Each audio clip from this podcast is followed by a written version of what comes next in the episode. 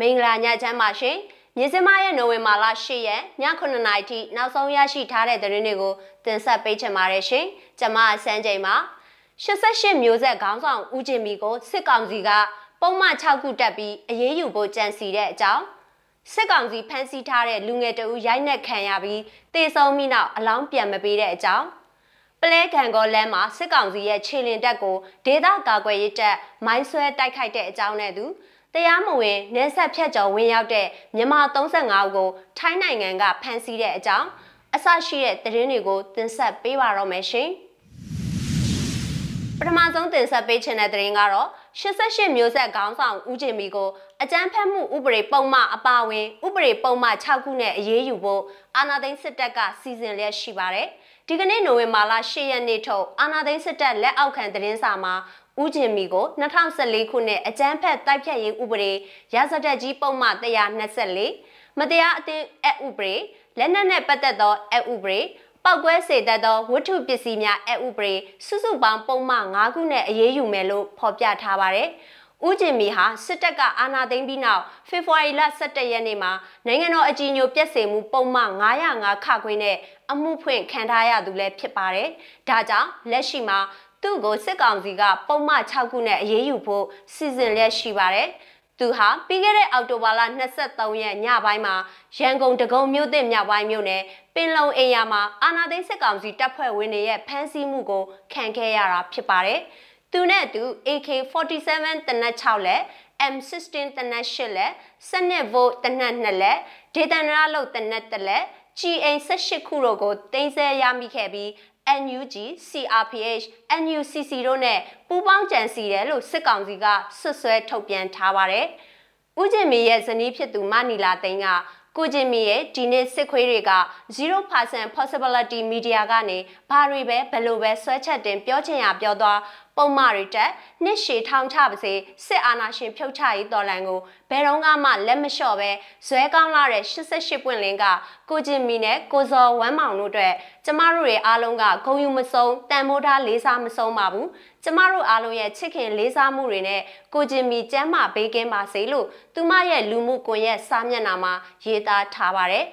စစ်တပ်ကဖမ်းဆီးချိန်မှာ ဦးကျင်မီရဲ့ဦးကောင်းမှာဒဏ်ရာပြင်းထန်စွာရရှိခဲ့တဲ့အတွက်မင်္ဂလာရုံစစ်ဆေးရုံမှာစေကူတမှုခံယူနေရကြောင်းသတင်းများထွက်ပေါ်ခဲ့ပြီးအချင်းတွေအသေးစိတ်ကိုတိတိကျကျမသိရှိရသေးတဲ့အတွက်စိုးရိမ်ကြောင်းမိသားစုဝင်တွေကပြောထားပါတယ်။ ဦးကျင်မီအပါဝင်ဒီမိုကရေစီအရေးတော်ပုံကြီးမှာမတရားဖမ်းဆီးခံထားရသူတွေကိုချက်ချင်းပြန်လွတ်ပေးဖို့နဲ့ဖမ်းဆီးထိန်းသိမ်းခံထားရသူတို့ရဲ့ဂုံတိတ်ခါနဲ့အခြေခံလူခွင့်ရေးတွေကိုလေးစားလိုက်နာဖို့အမေရိကန်တန်ယုံကအောက်တိုဘာလ25ရက်နေ့မှာကြေညာချက်ထုတ်ပြန်ထားပါတယ်ရှင်။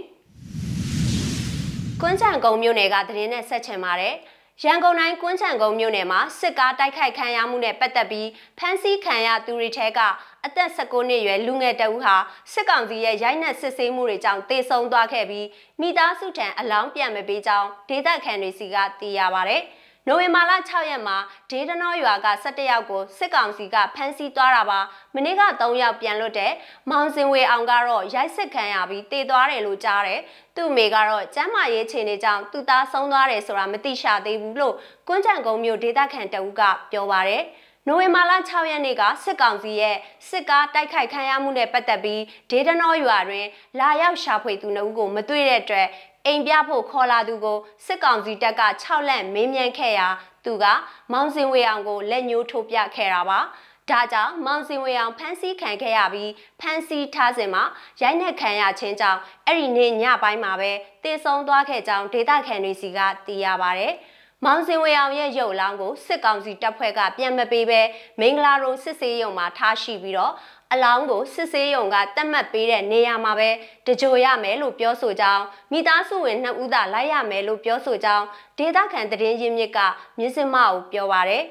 ပြီးခဲ့တဲ့နိုဝင်ဘာလ9ရက်ညပိုင်းကကွန်းချံကုံမြို့အင်္ဂလုံးကျေးရွာနီးလမ်းမကြီးပေါ်မှာစစ်ကောင်စီအဖွဲ့ဝင်25ဦးခန့်ပါဝင်တဲ့ကင်းလက်စစ်ကားတစ်စီးတိုက်ခိုက်ခံရပြီးစစ်ကောင်စီတပ်ဖွဲ့ဝင်9ဦးသေဆုံးပြီးတော့73ဦးခန့်ဒဏ်ရာရခဲ့ပါတယ်။ အဲ့ဒီတိုက်ခိုက်မှုကိုရန်ကုန်တိုင်းစစ်ဒေသခွဲကုကဲရေးအဖွဲ့ရဲ့ပြန်လွှားအောင်စစ်စင်ရေးအစိတ်ပိုင်းတစ်ခုအနေနဲ့လှုပ်ဆောင်တာဖြစ်ကြောင်းထုတ်ပြန်ထားပါတယ်။တိုက်ခိုက်ခံရမှုနဲ့ပတ်သက်ပြီးကွန်းချံကုန်းမြို့နယ်အင်္ဂလုံးကျေးရွာမှာအပြစ်မဲ့ပြည်သူ32ဦးကိုဖမ်းဆီးထားပြီးအခုချိန်ထိပြန်လည်လွတ်ပေးခြင်းမရှိသေးကြောင်းသိရပါဗျ။ဒါအပြင်ဒေသနောကျေးရွာမှာလည်းအပြစ်မဲ့ပြည်သူ12ဦးဖမ်းဆီးခံခဲ့ရပြီး3ဦးကိုပြန်လည်လွတ်ပေးခဲ့ပါတယ်ရှင်။ စကိုင်းတိုင်းကသတင်းကိုလည်းတင်ဆက်ပေးချင်ပါတယ်။စကိုင်းတိုင်းပလဲမြို့နယ်ပလဲကန်ကောလမ်းပိုင်းဝမ်းမဲချိုင်ကျေးရွာရှေ့ဘက်ပတရာရွာအနောက်ဘက်အစင်းမှာစစ်ကောင်စီအင်အားတရာခန့်ရှိတဲ့ခြေလင်တပ်ကိုဒီကနေ့နိုဝင်ဘာလ10ရက်မနက်10:00နာရီခွဲကမိုင်း12လုံးနဲ့မိုင်းဆွဲတိုက်ခိုက်ခဲ့ကြောင်း Pair Joggers အဖွဲ့စီကသိရပါဗျ။ မနေ့ကပလဲဘက်ကနေဆင်းလာတဲ့အဖွဲ့ကန်တောင်ကိုတနေကုန်ဖြတ်သွားတယ်။အဲ့ဒီအဖွဲ့ကဒီနေ့ကန်တောင်ကနေငကမတောင်ဘက်ကိုတက်မယ်ဆိုတာသတင်းကြိုရလို့မိုင်းဆောင်ပြီးဆွဲလိုက်တာ။သူတို့အင်အားတရာလုံးတော့တက်ကွင်းထဲကိုမဝင်သွားဘူးအယောက်30လောက်ပဲတက်ခွင်းထဲဝင်တာဝင်တဲ့ချိန်မှာဆွဲလိုက်တာအတုံးယုံမဲလို့ Pair Joggers အဖွဲ့မှဘိုးပလဲကမြစ်စမကိုပြောပါတယ်အဲ့ဒီမိုင်းဆွဲတိုက်ခိုက်မှုကြောင့်စစ်ကောင်စီဘက်ကဒဏ်ရာရရှိမှုအခြေအနေကို အတိအကျမသိရှိရသေးပဲစေးရုံကားတွေဟာပလဲကန်ကောလမ်းမပေါ်မှာဒီကနေ့နေ့လယ်ပိုင်းထိခောက်တုံခောက်ပြန်သွားနေပြီးဒဏ်ရာရသူတွေကိုစစ်ကောင်စီတက်ဆွဲထားတဲ့ကန်တောင်ရွာကိုတဲဆောင်သွားတယ်လို့သူကဆိုပါတယ်အဲ့ဒီတိုက်ခိုက်မှုကို Pair Joggers PDF တပ်ဖွဲ့တစ်မှဘုံမဲလုံးတက်ခွန်းနှစ်မှဘိုးနေအောင်တို့ဦးဆောင်ပြီးပရိဒါမိုင်း၈လုံးစိန်ပြောင်း၄လုံးနဲ့ဖောက်ခွဲတိုက်ခိုက်ခဲ့တယ်လို့သိရပါတယ်။ တိုက်ခိုက်မှုတွင်စစ်ကောင်စီဘက်ကပြန်လည်ပစ်ခတ်နိုင်ခြင်းမရှိဘဲဒဏ်ရာရသူတွေကိုလူနာတင်ကားနဲ့လာရောက်တင်ဆောင်နေဆဲဖြစ်ပြီးထိခိုက်မှုစရင်အတိအကျကိုမသိနိုင်သေးဘူးလို့ Fair Joggers အဖွဲ့ကပြောပါရရှင်။နောက်ဆုံးတင်ဆက်ပေးချင်တဲ့သတင်းကတော့ထိုင်းနိုင်ငံမောင်းခရိုင်ကနေဆက်ရွာတရွာမှာပြီးခဲ့တဲ့တနင်္ဂနွေနေ့ကမြန်မာနိုင်ငံသား35ဦးကိုဖမ်းဆီးရမိပြီးတရားမဝင်ဝင်ရောက်မှုဖြစ်ဆွဲချက်တင်ထားကြောင်းရဲတပ်ဖွဲ့ကပြောပါရယ် ဒေသခံတွေရဲ့သတင်းပေးချက်အရစူရာစီရဲတပ်ဖွဲ့ကင်းလဲရာမှာမနက်7:00နာရီဝန်းကျင်မှာတော်တွင်အမျိုးသား26ဦးနဲ့အမျိုးသမီး9ဦးတို့ကိုတွေ့ရှိရာဖြစ်ပါတယ်။သူတို့ဟာပဲခူးမြို့ကဖြစ်ကြပြီး18ဦးမှာရိုဟင်ဂျာတွေဖြစ်တယ်လို့သိရပါတယ်။အလုတ်ပွဲစားကိုထိုင်းဘတ်ငွေ2800စီပေးခဲ့ရတယ်လို့18ဦးကပြောပြီးကျန်18ဦးကလုပ်ငန်းခွင်အရောက်အကျိုးဆောင်ခါဖြစ်ဘတ်ငွေ2000ပွဲစားကိုပေးရမယ်လို့ပြောကြပါဗျ။ သူတို့ကိုဥပဒေရေးရလှုပ်ထုံးလုပ်နည်းများတိုင်းဆောင်ရွက်ပြီးနောက်ပြည်နယ်နံပေးမှာဖြစ်ပါတယ်ရှင်။မြင်းစမရဲ့နိုဝင်ဘာလ10ရက်ည9:00နာရီထိနောက်ဆုံးရရှိထားတဲ့သတင်းတွေကိုတင်ဆက်ပေးခဲ့တာပါ။ကြည့်ရှုအားပေးတဲ့အတွက်ကျေးဇူးအထူးတင်ရှိပါတယ်။မြမပြည်သူတွေဘေးရန်တဲ့ပေါင်းကကင်းဝေးကြပါစေရှင်။